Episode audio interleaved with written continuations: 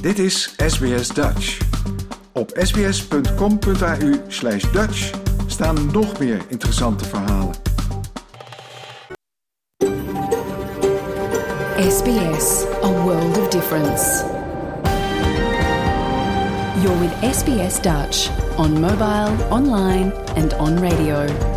Dit is SBS Dutch op mobiel, online en op radio. Graag erkennen wij de traditionele eigenaren van het land van waar we vandaag uitzenden. SBS Dutch betuigt haar respect aan de Camaragal mensen en hun ouderlingen uit het heden en het verleden. Ook erkennen we de traditionele eigenaren van alle Aboriginal en Torres Strait Islander landen van waar u vandaag naar ons programma luistert. Een hele goede morgen. Mijn naam is Paulien Roesink. Het is vandaag zaterdag 25 maart 2023 en u luistert naar SBS Dutch, het Nederlandstalige radioprogramma van SBS. Vandaag aandacht voor het referendum over een Indigenous Voice to Parliament. Eerder deze week maakte premier Anthony Albanese namelijk bekend welke vraag ons eind dit jaar voorgelegd gaat worden. Ook hebben we een gesprek met de nieuwe Nederlandse consul-generaal in Sydney, Hugo Klein. Wie is hij en waar komt hij vandaan? En op welk terrein kunnen Nederland en Australië volgens hem samenwerken? Eke Eif, onze podcastfan, heeft weer drie interessante podcastseries voor u geselecteerd. En natuurlijk hebben we het willekeurige weekoverzicht voor u. Dat en muziek allemaal straks. Nu, zoals altijd, eerst het nieuws.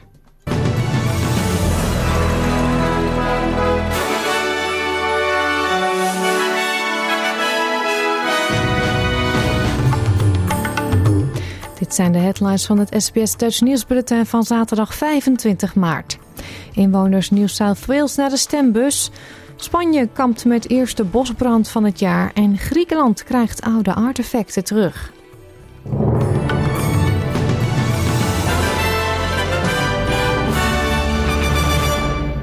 Er wordt vandaag gestemd in New South Wales. Meer dan 4 miljoen mensen in de staat zullen beslissen wie de komende vier jaar een regering zullen vormen. Op vrijdag had bijna een kwart van de 5,5 miljoen kiezers van de staat zijn stem al uitgebracht, met bijna 1,2 miljoen vervroegd uitgebrachte stemmen en 92.000 stemmen per post. Premier Dominic Perrottet van de Liberalen en Labour-leider Chris Minns hebben volop campagne gevoerd in het westen van Sydney, waar belangrijke zetels verdeeld gaan worden die de verkiezingsuitslag wel eens zouden kunnen gaan bepalen. Premier Perrottet zal naar verwachting stemmen in zijn eigen kiesdistrict Epping in het noordwesten van Sydney.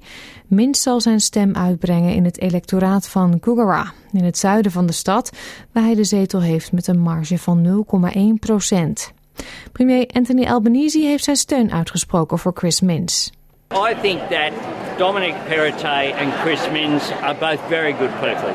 I like both of them, and I've worked constructively with both of them. But the truth is that Dominic Perrottet leads a government that's a shambles. The Liberals are too busy fighting each other and fighting the Nationals, and the Nationals fighting other Nationals to fight for the people of New South Wales.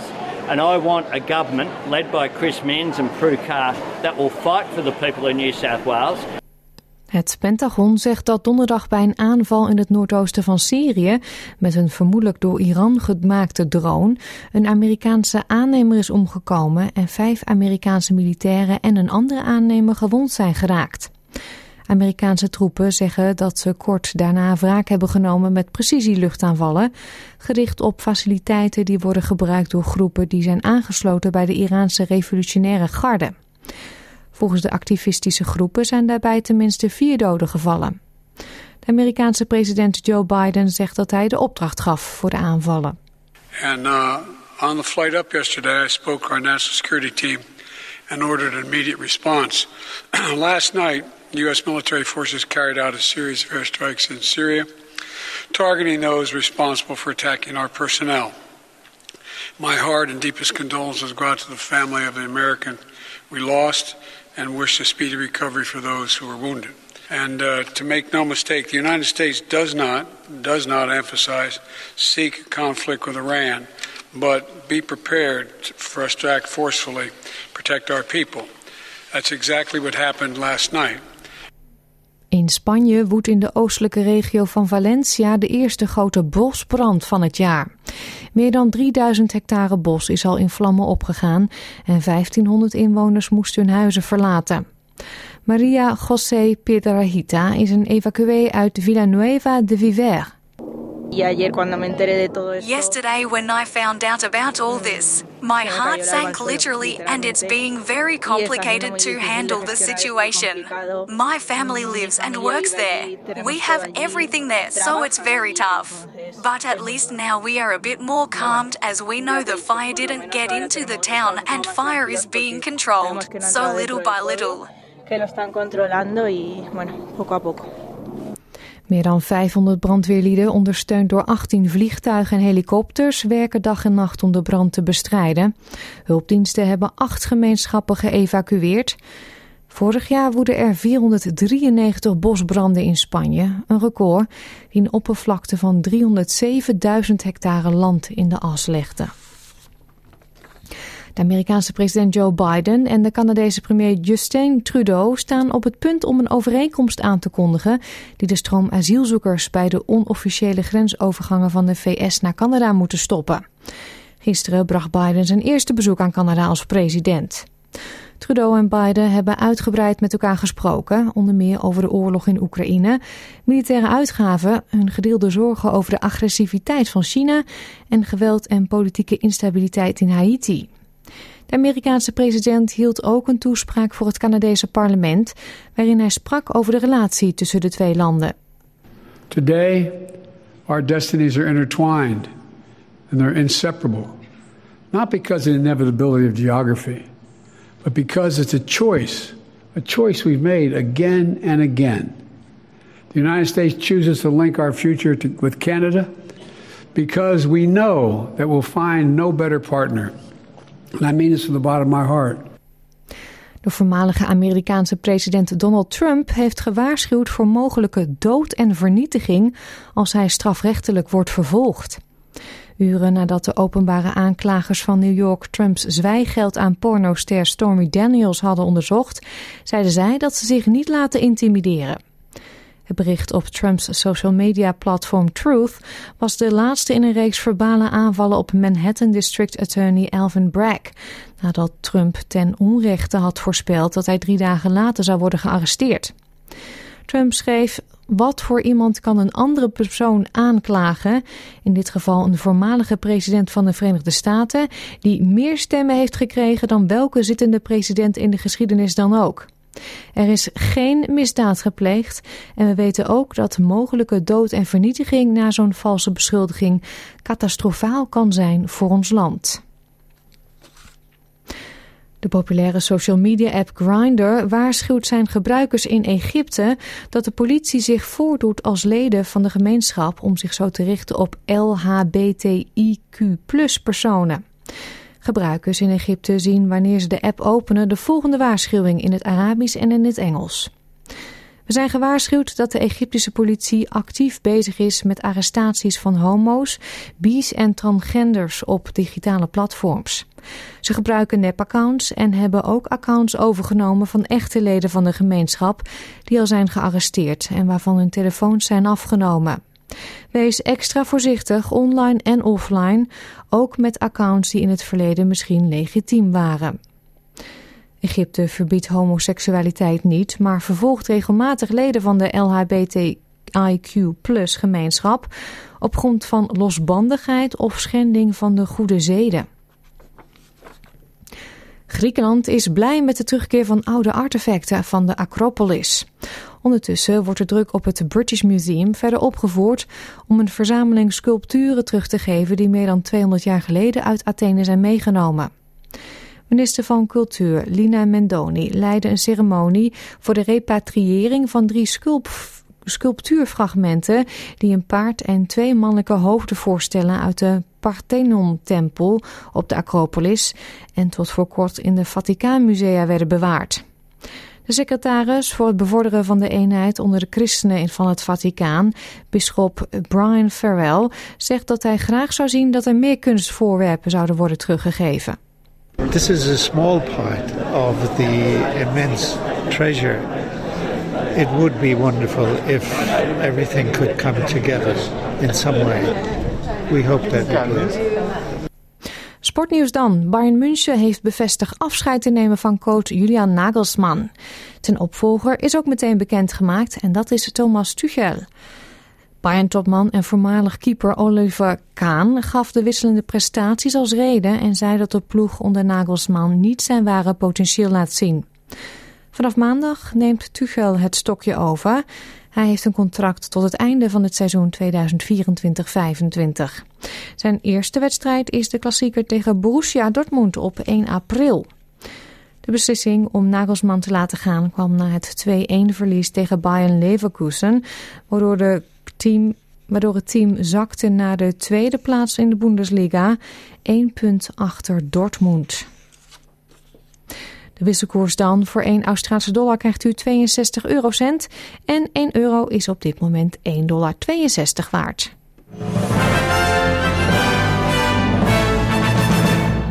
Kijken we nog even naar de weersverwachting voor vandaag. In Perth is het gedeeltelijk bewolkt en wordt het 29 graden. Adelaide overwegend zonnig, 25. Melbourne gedeeltelijk bewolkt, 21. Hobart gedeeltelijk bewolkt, 20. Canberra, daar een paar buien, 22 graden. Ook buien in Wollongong, 23. Sydney, hetzelfde buiengeweer, 24 graden. Regenbuien ook in Newcastle, 25. Brisbane, daar ontstaan buien, 31. Het is overwegend zonnig in Cairns, ook 31 graden daar. In Darwin trekken buien over met kans op onweer, 34. En in Alice Springs is het droog en warm en daar wordt het maximaal 37 graden. Dit was het SBS Dutch News.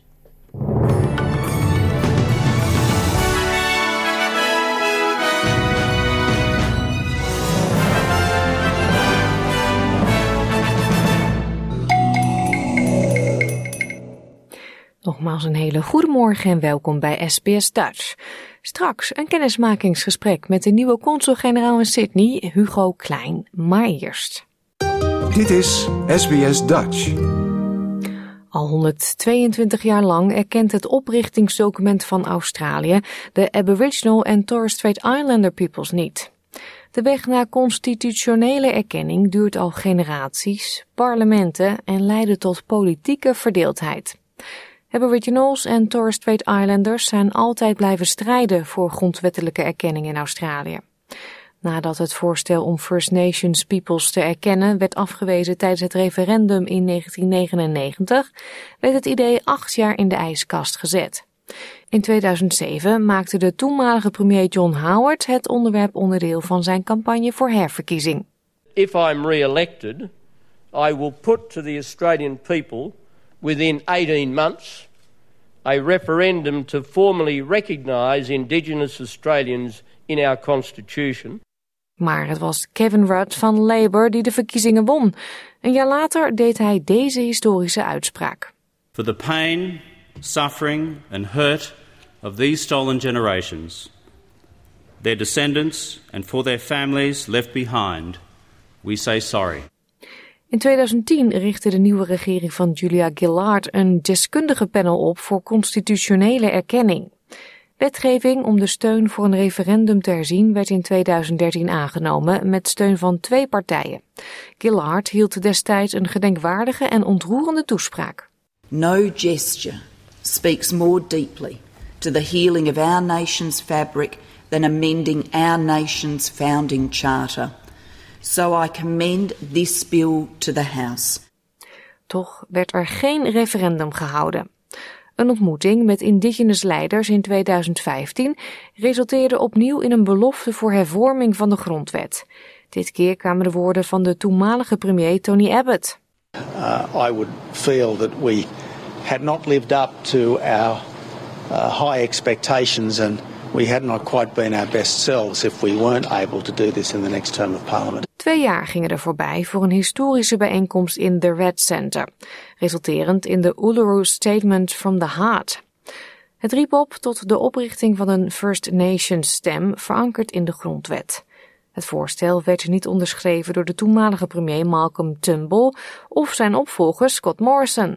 It would inevitably be seen as a third chamber. I, I don't support a third chamber. It's not a third chamber No, they're no, talking no, about, no, Mr. friend, Though. It's a representative No, body. it really is. And, and you, No, people can though. dress it up any way they like, but I think two chambers is enough.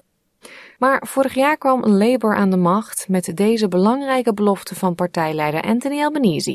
I pay my respect to their elders, past, present, and emerging. And on behalf of the Australian Labor Party, I commit to the Uluru Statement from the Heart. De regering heeft deze week de formulering van de referendumvraag van de Voice to Parliament bekendgemaakt. The question that Australians will be asked at this year's referendum is a very simple one. It will read A proposed law to alter the Constitution to recognise the First Peoples of Australia by establishing an Aboriginal and Torres Strait Islander voice. Do you approve this, this proposed alteration? That's the question before the Australian people. Nothing more, but nothing less. Voordat Australiërs aan het einde van het jaar hun zegje kunnen doen, zal het parlement zich buigen over het vraagstuk. Dit was een bijdrage van Alex Anifantis en Sarah Tomewska voor SBS Nieuws. En deze werd vertaald door SBS Dutch in het Nederlands. En dan is het nu tijd voor een overzicht van enkele belangrijke, bijzondere en spraakmakende nieuwsberichten uit Nederland van de afgelopen week. Dit keer met dank aan de NOS en AT5. Als je aan wijn denkt, denk je nou niet direct aan Nederland. Toch hebben Nederlandse wijnboeren vorig jaar een recordhoeveelheid druiven geoogst. En van al die druiven konden ze maar liefst 9800 hectoliter wijn maken, 30% meer dan in 2021. Hoe kan dat? Nou, onder meer door de warme zomer en het aantal zonuren. Maar er speelt nog iets volgens deze Twentse wijnboer. Wij maken een hele mooie wijn, doen mee met veel concours in het buitenland. En wij winnen gewoon heel veel medailles ook. Over, al de, over de hele wereld, tussen al die, dui- al die duizenden wijnen zeg maar, van over de hele wereld. Als je kijkt naar de kwaliteit zeg maar, van de afgelopen jaren, dan zie je eigenlijk alleen maar één stijgende lijn. En ja, dat, ik denk dat dat nog heel lang door kan zetten. En je hebt nog steeds een beetje een specialiteit natuurlijk met Nederlandse wijn. Ja, ja, klopt. Mensen zoeken toch ook eh, producten die wat dichter bij huis eh, gemaakt zijn. Wijn uit Chili is mooi, maar een wijn uit Bentelo is misschien nog wel veel mooier. Limburgse ondernemers die in 2021 getroffen werden door de watersnood al daar en Groningers uit het aardbevingsgebied hebben elkaar ontmoet in de heuvels van Limburg. Dit op initiatief van hoteleigenaar Claudia Volders, die zegt dat ze allebei weten hoe het voelt om in de steek gelaten te worden door de overheid. En dat schept een band. Het signaal dat Mark Rutte gegeven heeft, we gaan snel en ruimhartig uitkeren. Dat was vrij snel na de watersnoodramp. Ehm, om dat ook aan te nemen, terwijl je weet in, in, het noorden van Nederland, Groningen, zitten ze al tien jaar te wachten. Ik zeg tegen mijn man, dat, dit, hoe dan? Dit- wordt er een splijt gemaakt eh, tussen Noord en Zuid? En die gul was vreselijk op dat moment. Maar die periode daarna was veel erger. Omdat u niet geholpen werd? Ja, en omdat wij, eh, omdat je uitgaat, eh, of de mensen die je gaan helpen, die gaan vanuit de wantrouwen uit. En begreep u toen nog iets beter hoe de Groningers zich moeten Ja. voelen? Ja, het gevoel dat je samen het slachtoffer bent van iets hogers, dat is zo'n drijfveer van mij geweest, zo'n proteststem. Eh, dat ik moest dit doen. Dit, ik, ik moest ze uitnodigen. Sinds er ook statiegeld zit op kleine plastic flesjes, zien slimmerikken hun kans schoon wat bij te verdienen. Want het geld ligt op straat, zo vertelt een van de flessenverzamelaars. Hij ging aan de slag na een wedstrijd van voetbalclub Ajax in de Johan Cruijff Arena. Ik ga ze verzamelen, zet ik in een tasje. En dan ga ik gewoon naar Albert Heijn. Ik ga ze inwisselen en dan krijg je geld. En dan bewaar ik het geld koop ik, of koop ik leuke dingen mee. Ik heb alleen maar goede dag wanneer voetbal is, wanneer mensen zingen. Alleen mijn weekend. De rest eh, zit ik eh goed dag. Ik ga altijd ergens anders. Maar ik zag heel veel mensen al op straat die zeggen... Oh ja, als je gaat spelen, dan kan ik even gewoon God de slag doen. In Apeldoorn is deze week de grootste meldkamer van Nederland geopend. Politie, brandweer en ambulance zitten er allemaal bij elkaar en daar heeft vooral de burger baat bij, zo vertelt centralist Frank Meijer. Na hem hoort u ook nog Niels Nijman, het trotse hoofd van de meldkamer. We zitten in een zo groot verband die bij elkaar, multi, politie, brandweer en ambulance. Dus uh, de samenwerking, de uitwisseling van elkaar snel nodig hebben. Eén roepje is genoeg, waarin voorheen nog een belletje wat anders moest gebeuren. Er waren ooit uh, 26 regionale meldkamers. We gaan dus nu in een paar jaar tijd terug naar 10. Waarom moest dat op één plek worden samengevoegd? Ja, dat heeft eigenlijk meerdere redenen. Je zou kunnen zeggen dat de oude meldkamers die waren sterk verouderd. Dus deze werkplek is beter voor centralisten. En dat is ontzettend belangrijk, want centralisten die voeren gesprekken met mensen in nood. Ja, dat moet natuurlijk onder goede omstandigheden plaats kunnen vinden. Hier sluiten we aan op de nieuwe landelijke meldkamer ICT. Ja, dat is erg belangrijk voor de stabiliteit, hè, dus dat meldkamers niet zomaar uitvallen. Nu komen 112 meldingen nog via de telefoon binnen, gewoon bellend. Uh, in de toekomst wordt dat ongetwijfeld ook via beeld. Dus dat mensen video bellen met de meldkamer. Ja, dan is het belangrijk dat de meldkamer klaar is voor die toekomst. En deze meldkamer is daar klaar voor. In Nederland is de lente weer begonnen en dus is de Keukenhof ook weer open. Voor veel mensen is het park in Lisse een plek om te genieten van bloemen. Maar oorspronkelijk had het een andere functie. Hoe hoort het? Jeroen Duister van de Keukenhof vertellen. Oorspronkelijk zijn we ontstaan als een, noem maar, een showvenster voor de bloembollenbranche. Heel lang geleden, 74 jaar, dus volgend jaar de 75ste. 74 jaar geleden heeft de bollenbranche uh, de Keukenhof gebruikt om te laten zien wat ze allemaal in petto hebben. Ze komen over de hele wereld, rond de 80% komt uit het buitenland. En die komen gewoon voor de plaatjes die ze overal hebben gezien op het internet. Daar komen ze naar kijken. Over de hele wereld zijn miljoenen mensen begonnen aan de Ramadan, de vaste maand voor moslims. AT5 ging langs bij cardioloog Mostafa El Amrani en vroeg hem of vasten eigenlijk niet gevaarlijk is. Gevaarlijk is het zeker niet. We zien nu dat er heel veel onderzoeken worden gedaan naar allerlei uh, diëten, waaronder dus ook vasten. En we zien zelfs dat dat juist heel gezond is. Je bloeddruk gaat ervan naar beneden, je verliest gewicht, uh, je suiker wordt beter gereguleerd.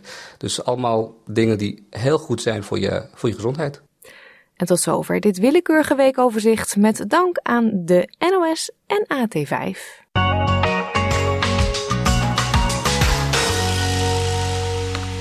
Gaan verder met een beetje muziek. Dit zijn Willy en Willeke Alberti met Niemand laat zijn eigen kind alleen. Meezingen mag. Toen Hugo Klein zes maanden geleden begon als de nieuwe consul-generaal in Sydney, was hij nog nooit in Australië geweest. Maar hij ziet veel mogelijkheden voor de Nederlands-Australische samenwerkingen, onder meer op het gebied van uitstootreductie en watermanagement. Onlangs zocht ik hem op op het consulaat in Bondi Junction in Sydney. Jouw gemeenschap, jouw gesprek, SBS Dutch. Hugo Klein, nu zit hij nu zo'n zes maanden, iets langer misschien, in Australië, in Sydney, als consul-generaal. Wat is uw eerste indruk? Uh, ja, inderdaad, inmiddels een half jaar. Um, dat was letterlijk een eerste indruk, omdat ik hier nog nooit was geweest. Uh, ik wist natuurlijk wel vanuit de verte dat het een heel groot westers land was. Um, ik moet zeggen dat um, dat klopt nog steeds. Uh, hoewel ik zie dat er heel veel Aziatische invloeden zijn. En wat ik me ook niet helemaal had gerealiseerd is dat die staten toch weer zo'n aparte identiteit hebben. Dus het is wel een groot land, maar die afzonderlijke staten zijn ook wel weer landjes op zichzelf. De Verenigde Staten van Australië is het eigenlijk toch? Ja, het is ook een uh, federaal model, um, maar met, met tijdsverschillen. Bijvoorbeeld het feit dat Queensland en New South Wales uh, verschillende tijdzones aanhouden, dat had ik op afstand niet uh, bevroed. Nee. Um, merkt u dat dan ook op uw werkgebied? U bent hier natuurlijk voor de economische, de bedrijfskant, Nederlands en Australische relaties aangaan. Hoe, merkt u daar, heeft u daar last van? Nou ja, last. We, we bedienen inderdaad vanuit Sydney voor wat betreft consulaire diensten en handel en investeringen heel Australië. Um, de ambassade in Canberra doet, doet zijn eigen, eigen dossiers. Um, dus dat is heel veel voor een, voor een toch relatief kleine post. Um, ja, het, het, het, het cliché dat Europa en, en, en Nederland en Australië ver van elkaar vandaan liggen, dat is natuurlijk zo. En dat, dat merk je ook wel, dat bijvoorbeeld als het gaat om de interesse van Nederlandse bedrijven in, uh, in deze markt, die is er zeker, maar de afstand is altijd wel een overweging. Hè? Bedrijven komen niet hier even langs om te kijken. Dus dat vergt nog wel eens wat, uh, ja, wat, wat nudging en wat facilitatie van onze kant. Waarom is het zo belangrijk dat Nederland die banden heeft met Australië? Um, nou goed, als Nederland hebben we natuurlijk historische banden met Australië. Vanaf uh, begin de 17e eeuw, zeg maar zeggen. Er is hier een grote Nederlandse gemeenschap. Uh, vooral de, golf van na de Tweede Wereldoorlog. Um, dus dat is een beetje je, je historische legacy, zou ik maar zeggen. Um, anderzijds denk ik dat die economieën ook wel over en weer veel te bieden hebben aan elkaar. Um, even heel grof gezegd, uh, Nederland is natuurlijk geïnteresseerd in hernieuwbare energie, net als de rest van Europa. Nou, Europa produceert niet zo heel veel zelf, dus dat zal ergens vandaan moeten komen. Dan gooit Australië hoge ogen.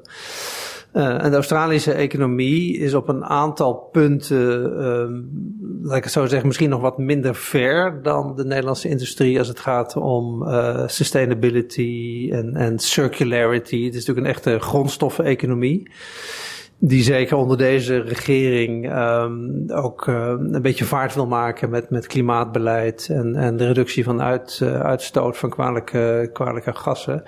Dus in die zin denk ik zijn er wel uh, raakvlakken die um, ja, onze bilaterale relatie zeg maar, kunnen, kunnen doen opstuwen. Was dat ook een van die verrassingen voor u? Hoe Australië met de grondstoffen omgaat en met het klimaat? Nog weinig gedaan heeft eigenlijk aan klimaatsverandering. Ja, ik, kende de, de reputatie van de vorige uh, regering kende ik wel. Maar goed, die is, die is uh, vervangen uh, in mei. Dus wat dat betreft heb ik te maken met uiteraard de huidige regering. En dat gaat, althans op papier, wel de goede kant op. blijft staan dat Australië natuurlijk nog een, een, een relatief grote viespeuk is als het gaat om uitstoot. Um, nou goed, dat heeft met de aard van de economie te maken. Um, hier moet dus een grote omslag plaatsvinden. Weg van fossiel naar, naar meer duurzame vormen. Nou, uh, Australië mag zich gelukkig prijzen dat ze daarvoor ook het potentieel hebben. Maar goed, dat zijn natuurlijk niet, niet uh, kwesties van even de knop omdraaien en uh, overgaan tot een nieuwe orde van de dag. dus dat, dat gaat lang duren.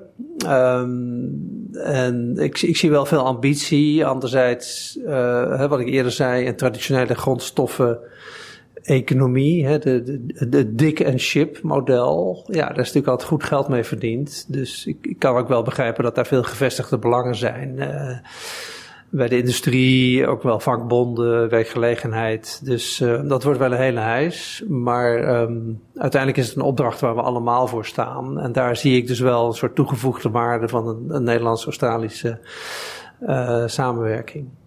Een beetje gerelateerd aan het klimaat. Uh, Australië heeft de laatste tijd erg veel problemen met water. Dan denk ik aan Nederland. Wij zijn op het gebied van watermanagement hartstikke goed bezig. Is dat ook iets waar u dan zegt, jongens in Australië, wij in Nederland kunnen dat heel goed? Ja, dat is zeker een gebied dat uh, onze aandacht heeft. Um, inderdaad, Australië is een land waar eigenlijk de effecten van klimaatverandering veel uh, nadrukkelijker zich voordoen dan, dan misschien nog in Europa. Aan de ene kant dus, dus heel veel nattigheid, aan de andere kant veel droogte en, uh, en, en, en bushfires. Nou, met dat laatste hebben wij wat, wat minder ervaring in Nederland. Maar zeker op het gebied van watermanagement is er, is er veel te halen. Uh, Australiërs zijn natuurlijk ook niet gek, die zijn er zelf ook wel mee bezig. Maar ik denk, en dat is ook een van de gebieden die wij onderzoeken, of daar, uh, zeker nu het, nu het ieder jaar bijna raak is, op zoveel gebieden hier, um, of we daar uh, onze samenwerking ook daar, daar een tandje bij kunnen zetten. Waar zat u eigenlijk hiervoor? Welke postings heeft u zo achter uw naam staan? Ik heb uh, allemaal Europese posten gehad. Um, uh, Rusland, uh, Joegoslavië, Brussel, maar dat was bij de NAVO. En, en Wenen was ook bij een multilaterale organisatie. Dus in die zin is dit wel een hele nieuwe regio en, een, en een heel nieuw land voor mij. Ja, ik heb begrepen dat u al heel goed heeft kennis gemaakt met de Australische huizenmarkt ook.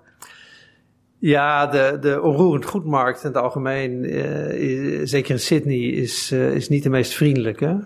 Um, dat is natuurlijk in eerste instantie een probleem voor veel Australiërs zelf. Hè. Affordable housing is natuurlijk een, groot politiek thema. Um, maar het klopt, uh, het prijsniveau ligt hier erg hoog. Dat heeft mij wel een beetje verbaasd. Um, toen ik de eerste keer hier ook in een supermarkt kwam, even los van de onroerend goed uh, sector, uh, vielen mij ook de schellen van de ogen. Um, dus ja, daar moet ik wel aan wennen. Um, in die zin is, maar nogmaals, het is, het is niet zozeer mijn probleem als dat van, van, van veel Australische gezinnen die uh, woonruimte zoeken. Um, in Europa kennen we dat verschijnsel natuurlijk ook wel, maar hier is het wel iets extremer. Dus dat is wel een, een aandachtspunt, maar vooral voor de Australiërs zelf. Nou ja, voor iedereen natuurlijk ook de Nederlanders. Ik weet dat er zat Nederlanders zijn over heel Australië die, die het lastig vinden om, om een woning te vinden. Want de huurmarkt bijvoorbeeld nu is geen pretje. Nee, zeker geen pretje. En dan scheelt natuurlijk wel of je een, een Australisch uh, salaris ontvangt of niet. Hè? Want het, het, salarisniveau ligt hier ook natuurlijk wat hoger dan, dan in Europa uh, gemiddeld. Maar um, ja, het is een, een, een, totaal overspannen markt. En dan zeker Sydney. Um, dus op een gegeven moment zal, zal ook die ballon wel uh, moeten leeglopen. hopelijk gebeurt dat nog binnen mijn termijn hier. Ja, u bent hier niet alleen, hè? U bent hier met uw gezin. Klopt, ik ben hier met een uh, vrouw en twee zoons, een van 19 en een van 17. Uh, we hebben ook nog een dochter van 24, maar die werkt en woont in Londen, dus die is niet met ons meegekomen. En wat vinden de, de jongens ervan? Ja, de jongens hebben het hier goed naar hun zin. Um, Sydney is natuurlijk een grote stad waar van alles uh, te doen is. Maar vooral als extra asset natuurlijk die, die, de stranden. En dan vooral de stranden aan de, aan de oceaankanten. Dus ze zijn zich aan het bekwamen in het surfing. Wat um, als je in Nederland wel eens op een windsurfplank hebt gestaan, dan denk je nou dat, dat doe ik wel even. Maar dat is toch een hele uh, andere tak van wetenschap. Dus daar zijn ze zich nu uh, aan het bekwamen. En daarvoor biedt Sydney natuurlijk tal van mogelijkheden. Ja, dus die hebben het wel naar het zin zo aan de zee. Ja, en uh, het uitgaansleven van Sydney, mijn, mijn oudste zoon klaagt wel dat het hier allemaal heel streng is. Als je Europa bent gewend. En dat is wel een breder thema. Ik, uh, het, het, is wel een streng land. Uh, ook wel een land waar je steeds wordt gezegd wat je wel en niet moet doen. Conservatief ook nog. Ja, conservatief. Uh, maar een, een, beetje wat wel de, de nanny state wordt genoemd. Uh, don't do this, beware, caution. Uh, de, de, de, boetes zijn hier geloof ik ook redelijk, redelijk fors. Dus dat um, heeft mij ook wel een beetje verbaasd. Want op afstand lijken die Australiërs allemaal erg laid back en relaxed. En who cares. Maar in de praktijk ligt dat toch een tikje anders. Mm. U zit hier nog een jaar of vier zo ongeveer hè, in totaal. Wat wilt u in die vier jaar nog bereiken?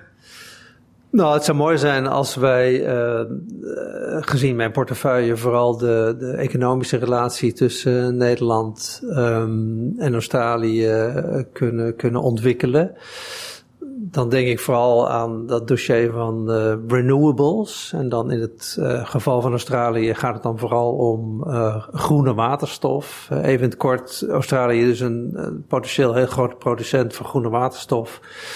Nederland en Europa moeten dat gaan invoeren, want kunnen maar zoveel zelf produceren. Nou, met Rotterdam als een soort, soort gateway wat nu uh, ten aanzien van uh, olie en gas, maar natuurlijk steeds minder geld, uh, hè, dat, dat moet omgaan in een, in een gateway van, van groene waterstof, die dan niet alleen in Nederland, maar ook richting Duitsland gaat vloeien.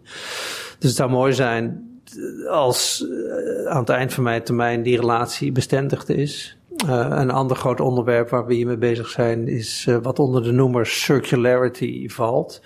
Dus het verstandiger omgaan met bijvoorbeeld bouwmaterialen, uh, minder, minder uitstoot bij, bij bouwprojecten, slimmer nadenken over waste en, en recycling. Kijken hoe je afvalstoffen weer kunt hergebruiken als, als energie-input in andere processen. Um, daar heeft Nederland veel expertise op dat gebied. Er is veel honger naar Nederlandse kennis op dat gebied. Dus als uh, alleen al op die twee uh, fronten, zou ik maar zeggen, de, relatie gegroeid is in die periode, dan zou ik al tevreden terugkijken. Ja, we zitten hier in Bondi Junction op het consulaat we kijken hier uit eigenlijk over de helft van Sydney. Ik zie het Opera House in de verte, ik zie de Harbour Bridge, de Sydney Tower, heel veel water ook. Heeft u al een favoriet plekje als we zo rondkijken?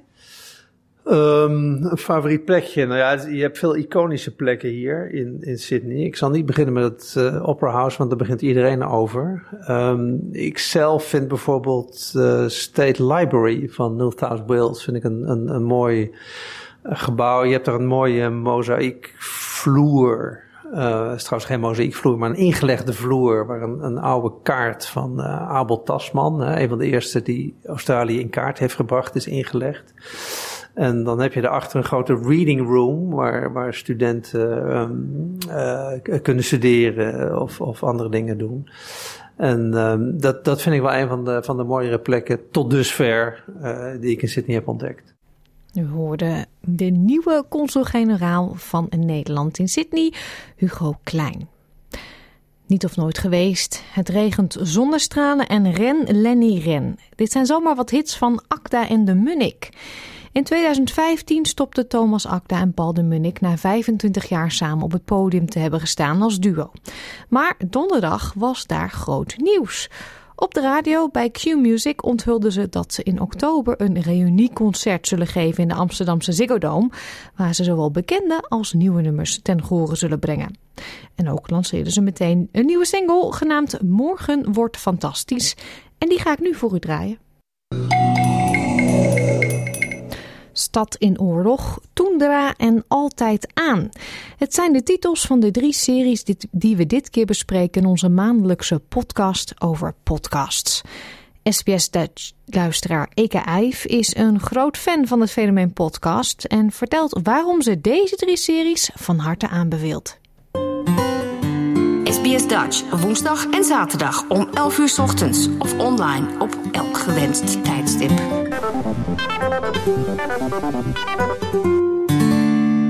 Eka, vorige maand was het natuurlijk een jaar geleden dat de oorlog in Oekraïne begonnen is. Um, jij hebt daar een hele mooie podcast over gevonden? Ja, inderdaad. Februari vorig jaar vielen de Russen Oekraïne binnen. En er zijn een aantal podcasts die daar uh, aandacht aan hebben besteed.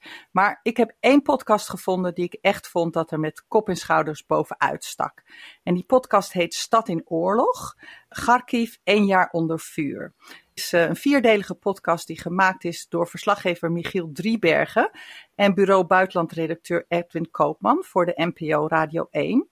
En waarom ik vind dat hij er zo met kop en schouders bovenuit steekt, is dat er is een hele bijzondere vorm gevonden voor deze podcast. Want het namelijk, de podcast wordt verteld vanuit de stad Kharkiv.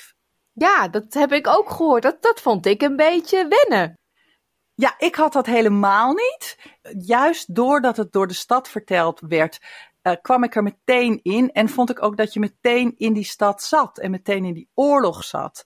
En uh, meteen betrokken was bij die mensen. Ik vond juist dat het een hele erge betrokkenheid gaf dat het vanuit de stad verteld werd. Ja, het is een bijzondere vorm en ik moest er inderdaad, wat ik zeg, even aan wennen. Maar ja, als je eenmaal luistert, dan luistert het wel lekker weg. Kharkiv is de tweede stad van de Oekraïne en die ligt vlak bij de grens met Rusland. En die werd zeer zwaar getroffen in de oorlog. En Michiel, de verslaggever, die komt al tien jaar in Kharkiv en die spreekt ook de taal. En daarom kan hij heel makkelijk op zoek gaan naar mensen die niet uit de stad zijn weggegaan, maar die er zijn achtergebleven en hoe het leven voor hun is in die stad. En hij gaat naar de schuilkelders die uh, in de metrostations zijn, waar mensen en hele gezinnen wonen. Hij spreekt met mensen die proberen het stadspark toch nog mooi te houden. Hij uh, spreekt met mensen die elke dag weer grote platen voor de ramen zetten waar alle ramen zijn uitgebombardeerd. En hij gaat ook mee met de ambulance die als er even geen bombardementen zijn, meteen de stad weer ingaan om gewonden op te halen. Ja, weet je wat ik een heel indrukwekkend iets vond? Die mevrouw die ze dus gingen ophalen, 56 jaar, lag op bed. Lag al een paar weken alleen. Haar hele familie was vertrokken en ze hadden haar gewoon achtergelaten. Ja, ongelooflijk wat ik juist het mooie aan deze podcast vond, is dat je kan elke dag en, en elk nieuwsbulletin kan je iets horen over Oekraïne. Van wie, waar er nu weer gevochten is en wie daar weer heeft teruggetrokken en hoeveel tanks er daar naartoe zijn gegaan. Maar wat betekent het eigenlijk om gewoon echt in zo'n stad te leven. Daar heb je geen idee van, vooral als je zelf nog nooit in oorlog geleefd hebt. En ik vond het zo indrukwekkend om te horen dat aan de ene kant die mensen hun hele leven verwoest is en, en totaal anders is als het was. En aan de andere kant ze gewoon toch door blijven leven. Een zangeres die haar hele koor verdwenen is, maar die in haar eentje in de kelder van een gebouw uh, haar zanglessen aan het oefenen is. En mensen die proberen toch nog op straat samen te gaan dansen. En allemaal van dat soort hele bijzondere dingen die ja, je gewoon heel erg dichtbij brengen van wat is het om in zo'n stad te leven. Ja, en om dat even te horen, nu een klein fragmentje. Een van de buren staat hier met een grote lamp te kijken of eh, de ramen nog heel zijn. Ze hoorden de klap, renden met hun eh, kleine zoontje de trappen af. We are alive.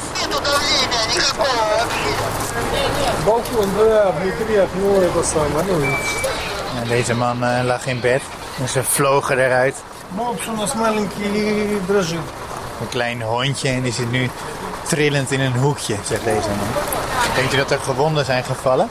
Есть э, один, да, э, кто знаем жильцов, кто не знаем, ну то есть... Nou, de raket vloog precies in het huis hierboven en daar woonde een oud echtpaar, zegt deze man. Het lijkt erop dat de man met brandwonden naar het ziekenhuis is gebracht en dat de vrouw het niet heeft overleefd. Nou ja, je zei het al, je zit er wel meteen in. Je hoort de ervaringen van de mensen daar. Um, prachtige podcast, hè? Ja, ik vind hem enorm knap gemaakt. De audiovormgeving is echt waanzinnig. Je zit meteen in die stad. Je hoort alle verwoesting en ellende. Het is super mooi verteld met creativiteit en muziek. En ik vind het is bijna literatuur, bijna een romanvorm waarin het gemaakt is. Ja, prachtig, een aanrader. De tweede podcast, die is voor mij helemaal nieuw. Ik weet er echt helemaal niks van, behalve dan de titel die jij mij hebt doorgegeven, Toendra. Ja, Toendra is al een wat oudere serie uit 2015. En het zijn 30 afleveringen van onwaarschijnlijke en meeslepende documentaires van de allerbeste radiomakers van Nederland. Zoals bijvoorbeeld Bente Hamel en Emmy Colau, Laura Stek, Jair Stijn en Katinka Beer. En het is gemaakt voor de VPRO. En in Toendra gaan de makers op zoek naar mensen die in bijzondere omstandigheden hele rare of uitzonderlijke keuzes maken. Zo is er bijvoorbeeld een filosoof die begint een goed gesprek met zijn overvallers, zodat ze spontaan zijn geld weer teruggeven. Een man besluit zaaddonor te worden om dichter bij zijn vader te komen. Een verzorgingstehuis waar mensen met Alzheimer zijn, waar alle deuren open zijn. En de Turkse Deria, die een list verzint om haar familie niet te hoeven vertellen dat ze samenwoont met een vrouw. Uh, Bruce, die een Apels broertje heeft. En de moeder van Bel, die vertelt hoe het is om te leven met een kind met ernstige handicaps. Je hoort steeds verschillende mensen in de meest pijnlijke, bijzondere en bizarre periodes uit hun leven. En hoewel de verhalen klinken als ontspoorde sprookjes of een tragisch-komische film, is niks gespeeld of verzonnen. Ik vind het prachtig omdat het zulke tijdloze verhalen zijn. Ze zijn verteld zonder poespas of opsmurk en waarin ik iedere keer wel iets van mezelf herken en die me aan het denken zetten over hoe ik zou reageren in zo'n geval of wat ik in zo'n situatie zou doen. En nu ga jij me natuurlijk vragen welke mijn favoriet is van deze 30. Nou ja, tuurlijk. en ik heb heel lang gekeken, maar ik kan eigenlijk geen favoriet bedenken. Maar er is wel eentje waarvan ik een stukje zou laten horen. En uh, dat is de episode 20 en die heet De List. Wat ze haar ouders niet vertelt, is dat ze op dat moment een vriendin heeft. Ze woont zelfs met haar samen in een ander huis. Haar eigen woning houdt Deria alleen aan voor haar ouders. Ze vertelt hen dat ze druk is en dat ze eerst moeten bellen als ze langs willen komen. En dat doen ze keurig. Dus ik heb uh, de kat in een reisband gedaan. Uh, ben in mijn auto gestapt. Uh, het is een reisje van 50 minuten ongeveer. En hoor je, hoor je de kat mouwen, dat hij het helemaal niet leuk vindt in die reisband. toen heb ik meteen een emmer gepakt en, en en wat doeken en een beetje zitten schoonmaken. Uh, een beetje afstoffen, want ja, dat was wel weer stoffig geworden. En dan kwamen ze en dan was het gezellig. En, en dan gingen ze weer weg. En dan pakte ik meteen de kat. gingen we weer terug, die 50 minuten waarin hij weer ging mouwen dat hij het allemaal niet zo leuk vond. ja, in die auto onderweg eh, heb ik toch wel gedacht, waar ben ik in hemelsnaam mee bezig? Ja, waar is ze inderdaad mee bezig? Ja, dit zijn fantastische verhalen. Elk verhaal is maar 10 minuten. Je kan ze luisteren wanneer je wilt, wanneer je net eventjes wat tijd hebt. Maar ze zijn allemaal interessant en bijzonder. Mooi hè, hoe die makers dat soort types kunnen vinden. Ja, ongelooflijk. Waar vind je die mensen? Ja, ik, ik heb geen idee. maar knap gedaan. Ja, zeker. Ja. Wat is uh, je laatste podcast voor deze maand, Eka? Ja, mijn laatste podcast voor deze maand is Altijd Aan.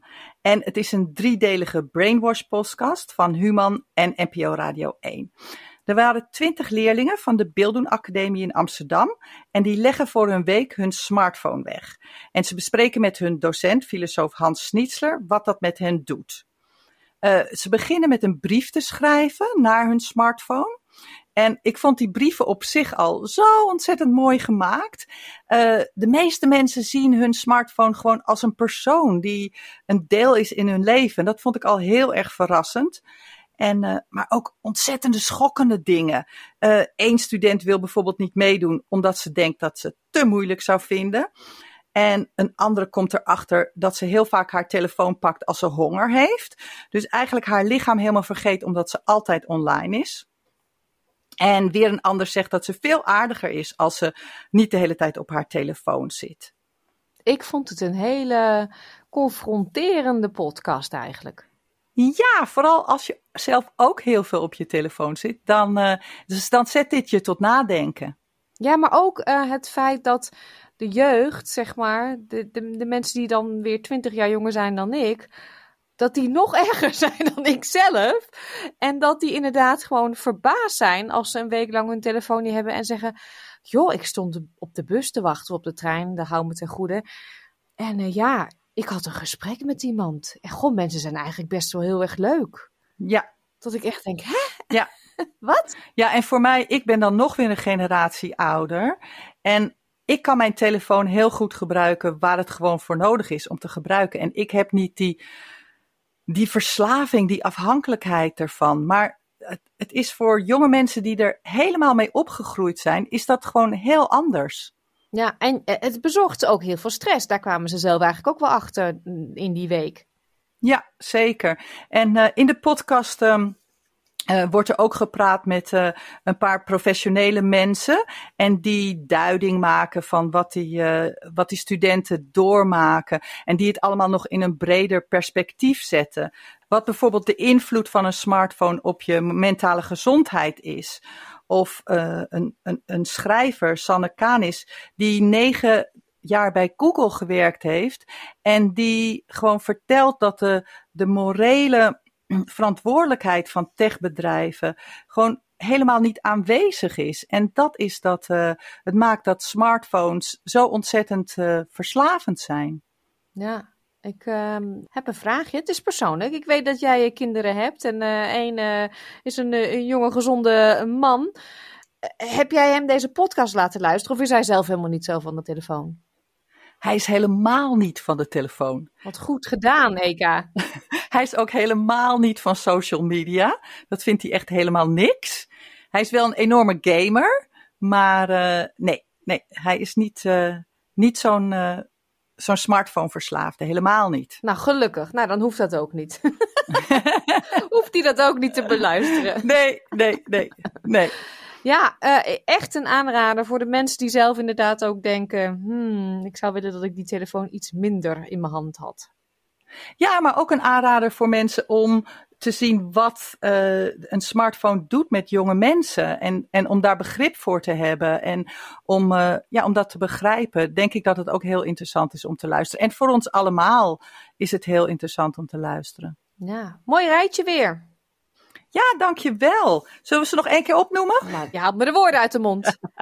Oké, okay, de eerste is Stad in Oorlog. Kharkiv, één jaar onder vuur. De tweede Tundra, 30 korte documentaires. En de laatste is Altijd aan, over het gebruik van de smartphone. Dankjewel, Eka. Tot volgende maand.